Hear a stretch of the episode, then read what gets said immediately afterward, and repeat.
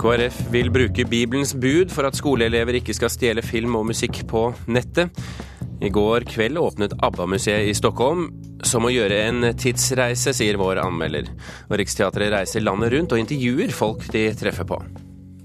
Hva er det største som har skjedd i ditt liv? Ja, Det er vel egentlig å få sitte i yndlingsbilen min, egentlig. Ok, Hva er det for noe? Det er en Ford Mustang Shelby GT500. Ok.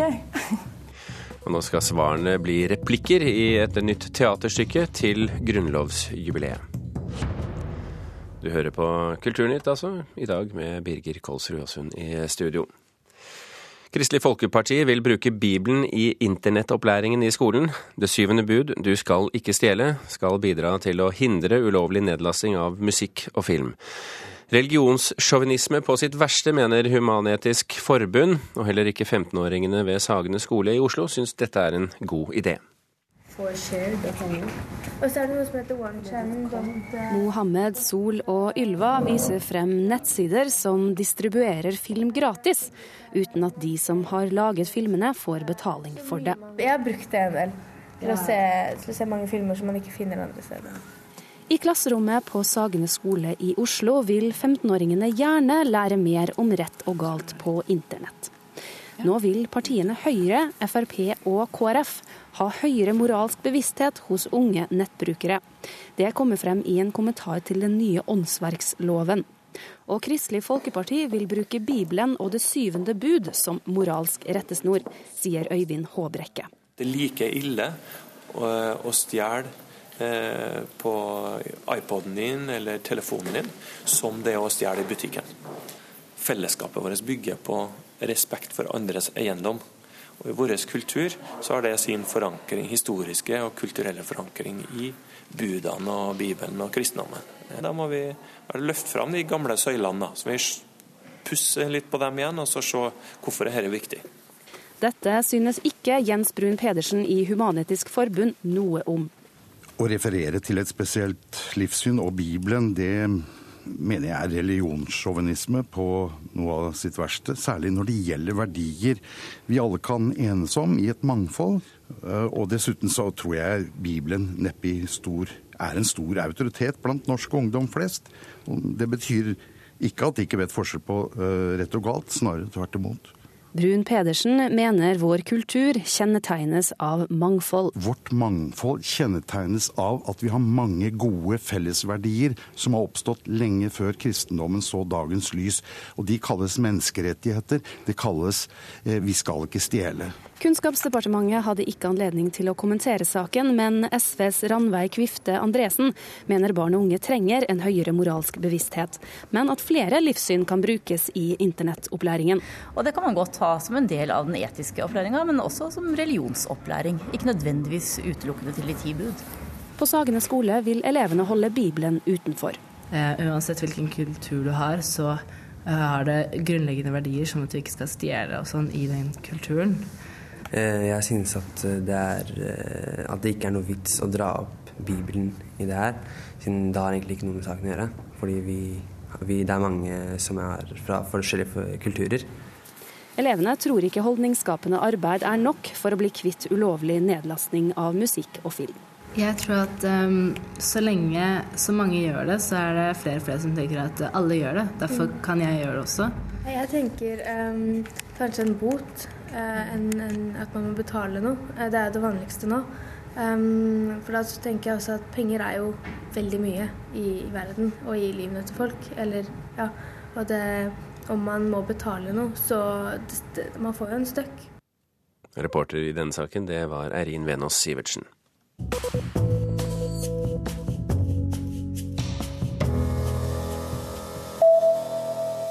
En av Norges største musikkfestivaler, Øyafestivalen, må flytte neste år. Tøyenparken på Oslos østkant blir det nye tilholdsstedet for musikkfestivalen de neste årene. Årsaken til at festivalen må flytte fra Middelalderparken, er at Jernbaneverket skal bygge om Follobanen, sier pressesjef Jonas Prangerød. Vi ser jo for oss at, at dette arbeidet vil ta noen år. Vår store drøm er å komme tilbake om en stund til en større og enda mer funksjonell middelalderpark. Men, men, men sånn som situasjonen er nå, så, så, er planen å være på i områdene rundt Tøyenparken i, i noen år. Ja. Det sa pressesjef for Øyafestivalen, Jonas Prangerød. ABBA nå.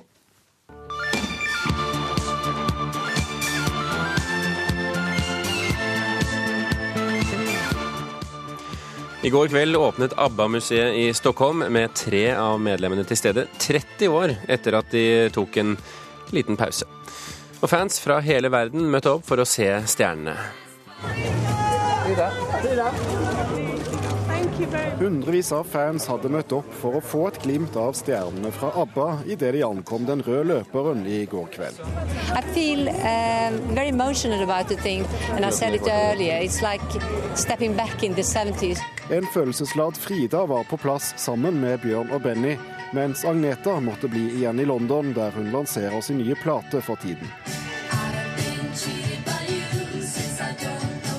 Den verdensberømte svenske popgruppen har fått sitt museum på Djurgården i Stockholm. Her kan fansen bl.a. stå på scenen og synge sammen med det virtuelle ABBA, og se et stort utvalg av de fargerike og glitrende kostymene de er så kjente for. Fans fra hele verden har ventet lenge på dette. I wait all my life uh, for ABBA and uh, it's, it's everything. And I'm coming from Mexico. I would like to say the, it's a worn out phrase, but thank you for the music. Det er 30 år siden ABBA ble oppløst. I forskjellige duppeditter som lydstudioer og telefoner rundt i museet forteller de fire medlemmene selv sin egen historie. Bjørn Ulveus har vært primus motor bak prosjektet, og eier rundt 70% av den nye attraksjonen. Jeg må jo kunne være stolt over det. Jeg må vite at jeg har gjort alt for at det skal bli så bra som mulig. Det er liksom hovedårsaken til at jeg kom over det her eh, fullstendige narsissismen over å bygge et museum over seg selv. Avslutningssangen på åpningsfesten i går var selvskrevet, og for anledningen rytmisk dandert med fyrverkeri.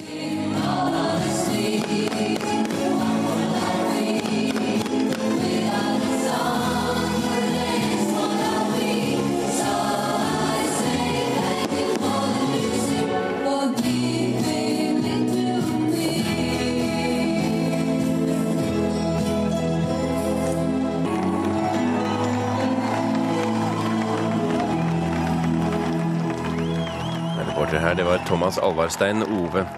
Gunnar Bolin, anmelder i Sveriges Radio. Hvordan var det å tre inn i ABBA-museet i går? Det var förvånansvärt angenämt måste jag säga. Jag hör till den generationen, jag var 16 eller 17 år när Waterloo vann i, i Brighton och jag växte upp med att man skulle tycka illa om ABBA. Man, man tyckte inte alls som man stod på skolgården att det var den popgruppen som det var någon, någon större cred som man säger idag att tycka om. Man skulle tycka om David Bowie eller Lou Reed eller Roxy Music. Och sen har det här med tiden ju kommit att förändras och för mig var det att gå in på det här museet, dels var det en tidsresa, det är en väldigt fin beskrivning av, av svensk eh, musikhistoria, hur de kom fram på 60-talet, de här fyra musikerna, hur de träffades, hur de bildade ABBA. Och sen är det ju också, jag menar, det är ju intelligenta eh, personer, de i ABBA och de som är mest närvarande i Sverige är ju eh, Björn Ulvaeus och Benny Andersson och de har ju engagerat sig i väldigt många andra saker utanför ABBA. Jag tänkte på det inslaget ni hade om att man ska läsa Bibeln och lära sig inte ladda ner musik. Björn Ulvaeus är ju väldigt engagerad i humanisterna, han skulle inte tycka om den idén. Och det märks här att de har inte bara byggt ett museum där man kan gå och titta på guldskivor och platåskor och, och, vackra kläder utan man kan även ta del av bland annat den kritiken som var mot ABBA på 70-talet. Man kan också få eh, presenterat massor med människor som var viktiga för ABBA runt omkring dem. Det är en lång intervju med sekreteraren Görel Hanser som är allmänt känt att hon betyder väldigt mycket för ABBA. Så det är ett, det är ett förvånansvärt välgjort museum som beskriver svenskt 60, 70 och en bit in på 80-talet på et veldig fint sett, tycker jeg. Men hvis vi ser på uh, måten man uh, deltar når man går rundt på museet, hva slags museum er det egentlig? Ja, man kan väl säga, jag skulle gissa att roligast att gå på det här museet har man då om man har någon, vad ska vi säga, någon 10 till 15-åring med sig som är väldigt road av ABBA. För en, en gammal farbror som jag är ju alldeles för generad för att ställa sig på scenen och, och låtsas sjunga med i en virtuell värld där jag kan få sjunga Mamma Mia eller att sätta mig i en helikopter och bli fotograferad som på eh, ett skivomslag. Men, men det finns väldigt många sådana inslag och det Själva idén med ett musikmuseum är ju också att du kan höra mycket musik, vilket gör att det tar, det tar hemskt lång tid att gå igenom. Det är ju inte som på ett, eh, ja låt oss säga en eh, norsk hjälte som Edvard Munch. Du kan titta i en sal och sen kan du se i nästa sal. Här går jag lite fortare igenom och ser på tavlorna lite snabbt. Om du ska ta del av innehållet i det här ABBA-museet. Jag var där nästan två timmar och det, det räckte inte riktigt. Hvor vellykket er det, vil du si? Ja, alltså jag, jag, jag, tycker nog att om man ska göra ett sånt här fanmuseum som ju ändå är, är till för dem som, som verkligen har älskat ABBA. Jag kan jämföra, jag var på den stora David Bowie-utställningen i, i London här för någon månad sedan. Och, och, då tycker jag väl att David Bowie är en, en, eh, det är risk att jag får själv för detta, men jag tycker det är en intressantare uh, musikartist. Men det är, alltså om man går på den här sortens uh, museer så vill man ju ändå få dels till dels det som man då har älskat eller, eller tyckt om, alltså att man får musiken, man får den väl presenterad, men att det också sätts i ett sammanhang. Och det lyckas ABBA-museet med, precis som man gjorde med, med David Bowie-utställningen i, i London. Och sen tycker jag på sätt och vis att när jag går där så känner det en självklarhet att det ska finnas ett ABBA-museum i Stockholm. Jag tror många engelsmän gärna hade sett att David Bowie-utställningen kunde vara permanent också, på samma sätt som det finns ett Beatles-museum i, i, i Liverpool. Så att jag jag är väldigt eh, positivt överraskad. Sen kan jag vara lite orolig för den här andra utställningen som heter The Swedish Music Hall of Fame. Och det var ju också en idé från Björn Ulvaeus och eh, att de ville gärna ingå i ett större musiksammanhang. Att det ska inte bara vara ABBA man ska kunna se på det här museet. Men de kommer ju garanterat i skuggan av, av det här stora eh, popbandet. ABBA är nog en gång ABBA. Gunnar Bolin från Sveriges Radio, tusen hjärtligt tack för att du kunde vara med i Kulturnytt. Tack så mycket. Klokken er eh, drøyt 17 minutter over åtte. Du hører på Kulturnytt, og dette er toppsaken i NRK Nyheter akkurat nå. I USA er tre brødre i 50-årene pågrepet, mistenkt for å ha holdt tre kvinner fanget i rundt ti år. Og det finnes ingen beviser på at det er brukt kjemiske våpen i Syria, sier organisasjonen Human Rights Watch. I kveld spiller popfenomenet One Direction i Norge. Boybandet ble nummer tre i britiske X-Faktor i 2010, og ble raskt en favoritt blant mange tenåringsjenter.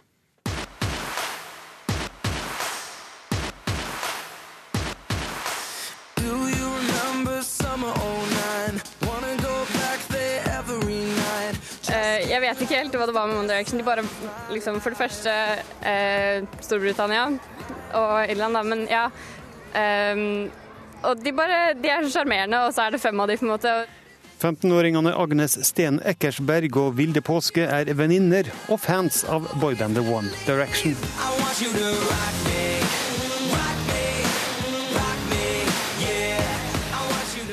Boybandet starta med fem unge gutter fra Irland og Storbritannia som meldte seg på talentprogrammet X-Faktor i 2010. Der ble de sett sammen til et band som endte på tredjeplass, men oppnådde likevel stor suksess. Grunnen til det er at de er lette å like, mener musikkjournalist i P3 Trine Åndal. Særlig lett å like kanskje for ungdom som ikke har hatt et forhold til musikk før. Da. Det er kanskje veldig sånn lett inngang til musikkens verden, og derfor tror jeg også det blir veldig stort. Fordi det første fenomenet man blir opptatt av, eh, kan virke litt sånn altoverskyggende. Let's go crazy.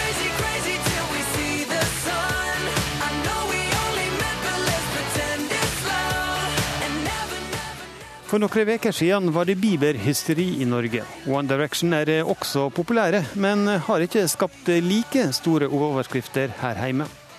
Jeg tror nok media kanskje i veldig stor grad har fokusert litt for mye på Bieber.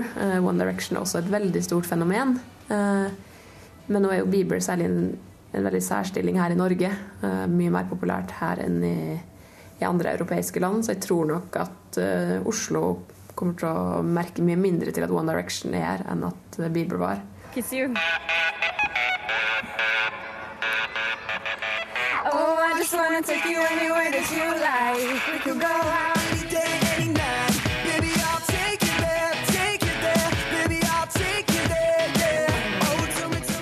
For de som vil følge med på hva One Direction gjør, kan de følge guttene på både sosiale medier, gjennom en videoblogg og i tradisjonelle medier som aviser og blad. Det går med andre ord med en god del tid til å tenke på One Direction for en fan. Eh, det blir vel eh, et par timer om dagen, egentlig. Altfor mye. Altfor mye tid. Hva gjør dere da? Hører dere på musikken, eller gjør dere andre ting også? Ser på bilder, YouTube-klipp, filmer. Holder oss på en måte oppdatert på hvor de er.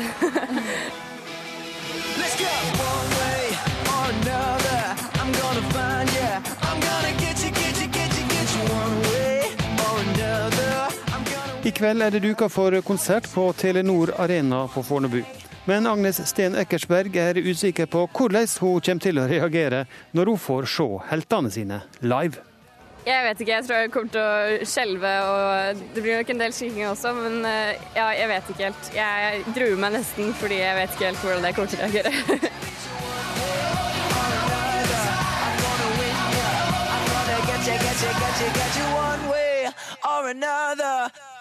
Reporter Espen Alnes.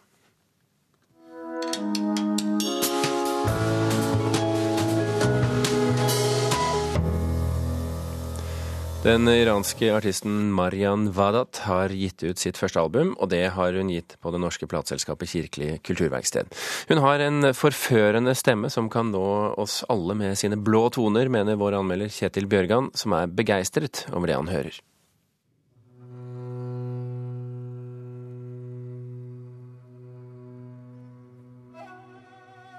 Marian Wadat har sammen med søsteren sin Masha gjort iransk musikk kjent for lyttere over hele verden.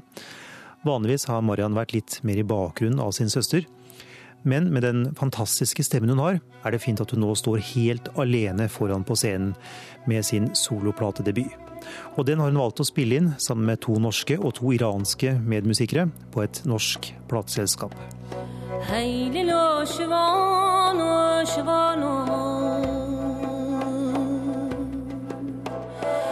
تربت جنان و جنان و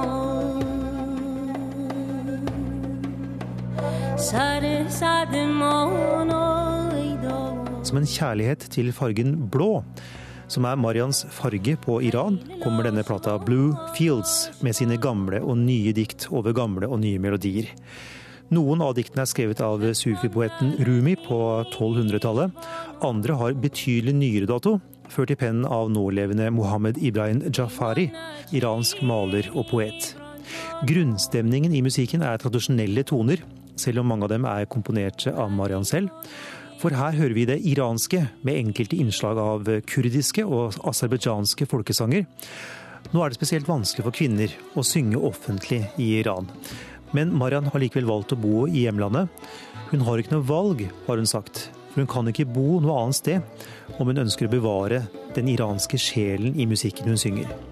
Men til tross for denne persiske grunnstrengen er det også opplagt at hun er påvirket av vestlig musikk i vid forstand. På mange måter er dette en plate der øst og vest møtes på Marian Wadats eget vis. Og det er blitt et velklingende resultat. Ja,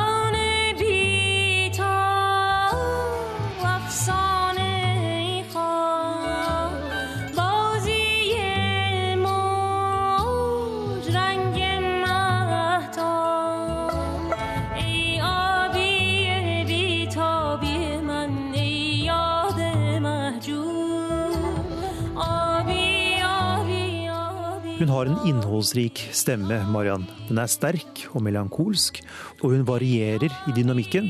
I det ene øyeblikket stille og inneslutta, før hun skyter fart og bringer melodien over i kraftfulle sekvenser.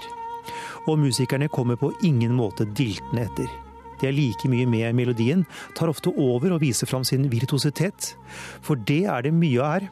Feleinstrumentet Comanche med sin dype, litt nasale lyd, og fløyta nei, som enkelte ganger er som ekko av sangen, men som også ofte tar over i lydbildet. Disse instrumentene, litt hese og hissige, har flotte egenskaper som gir temperament og energi i rytmen. De bidrar til at vinden i musikken aldri står stille, men hele tiden fører tonene i ulike retninger.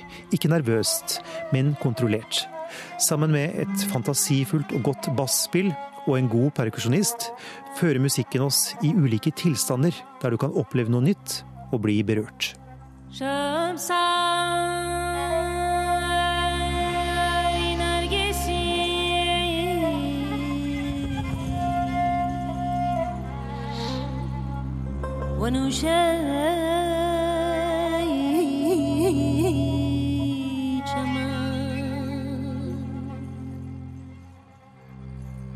seyreşan Azar Marian Badat ut eh, med ny plate. Folk fra hele Norge bidrar med replikker til Riksteatrets nye storsatsing om det norske folkestyret i 2014. Nå reiser regissøren landet rundt og intervjuer folk hun støter på. Hei, jeg kommer fra Riksteatret er regissør. Lillehammer skysstasjon. Regissør Hilde Brinkmann samler materiale til Riksteatrets nye forestilling. Så jeg reiser rundt i hele Norge for å snakke med mennesker om deres forhold til det norske demokratiet. I to uker har hun reist fra Finnmark i nord til Arendal i sør og intervjua folk hun støter på. Det skal være en eh, forestilling der så mange som mulig ulike stemmer fra det norske folk får plass, får snakke. 58 år. 58 år, Og du jobber på sykehus Lillehammer? Ja. ja. Sykepleier Øystein Larsen intervjues i Narvesen-kiosken på sykehuset. Så første spørsmål til deg, Har du tro på det norske folkestyret? Det har jeg. Hvorfor det? Nå kan svarene hans bli replikker i Riksteatrets virkelighetsbaserte teaterstykke 'Folkestyret' under grunnlovsjubileet neste år. Da vil vi prøve å lage en forestilling som er fra det norske folk til det norske folk. At det er det norske folks stemmer som får være på scenen, presentert av skuespillere. I en forestilling som da kommer tilbake til det norske folk. Så det er som at det de får se, har kommet fra dem selv. Jeg er litt opptatt, som dere okay, ser. Greit. Ja. Sjøl om ikke alle som stoppes har tid, har Riksteatret nå intervjua flere hundre personer over hele landet. Er det noen ganger et flertall har bestemt noe som har gått utover deg? Mm, ja, det skjedde da jeg begynte på skolen. 17 år gamle Viljar Bankerud Nilsen fra Brøttum liker tanken på at det han sier blir teaterreplikker. Ja, det går greit. Ja. Mm. Er det noen saker du er, politiske saker du er spesielt engasjert i, eller saker du har sterke følelser i forbindelse med? Ja, at uh, gamlehjem og sånt skal få mer oppmerksomhet, og folk som ikke har det bra for det er viktig. Brinkmann forteller om mange sterke møter og historier under norgesturneen. Ja, masse. Jeg snakker med en eh, utbrent lærer som spiller saksofon på toppen av Hurtigruta. En, eh, en, eh, kvinne på 80 som hadde vært, jobbet med norsk bistand i Afrika, som mente at Norge gikk til helvete, at vi hadde blitt et veikt folk. Og veldig overraskende ting hva folk er opptatt av. Og sånn som den ungdomsgjengen jeg prater med her inne nå var glødende engasjert av eldrepolitikk. Nå, nå skanner jeg området. Brinkmann finner et nytt intervjuobjekt. Målet er å snakke med et bredt utvalg av befolkningen, og undersøke hvordan det står til med det norske folkestyret, folks engasjement og hvilke tanker de har om egen påvirkningskraft. Det er jo ekte menneskers stemmer, da. Jeg tror det når man sitter som publikummer og vet at de ordene som uttales på scenen er virkelige mennesker som har sagt. Jeg tror du tenker, reflekterer på en annen måte når du ser det. Hvis du kunne holde en tale til det norske Stortinget, hva ville du snakket om da? Da ville jeg faktisk eh, snakke om hvor fint det er å jobbe i et kvinneyrke. Forestillingen 'Folkestyret' skal på turné vinteren 2014. Er det greit om eh, jeg tar noe av det du har sagt og bruker det som replikker på en teaterscene som i en forestilling skal spilles i hele Norge? Ja, hvis det er på Lillehammer så vil jeg ha beskjed. Så kan ja. det er greit. Jeg tror vi kommer til Lillehammer, faktisk. Ja. Forestillingen skal hete Folkestyret, Folkestyret. og sendes rundt med Riksteatret ja. hele våren 2014. Mm. Så er det noe siste du har lyst til å si til det norske folk? Benytt stemmeretten til høsten. ja.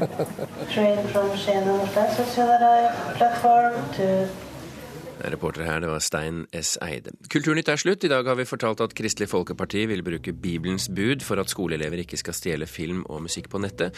Vi snakket også med anmelderen til Sveriges Radio, som mente det nyåpnede ABBA-museet i Stockholm er en tidsreise 30-40 år tilbake i tid. Og da er vi fremme ved sluttstreken. Espen Hansen, Gjermund Jappé og Birger Kolsrud Aasund takker for følget. Følg med på denne kanalen. Du får nyheter fra Nyhetsmorgen. Bye.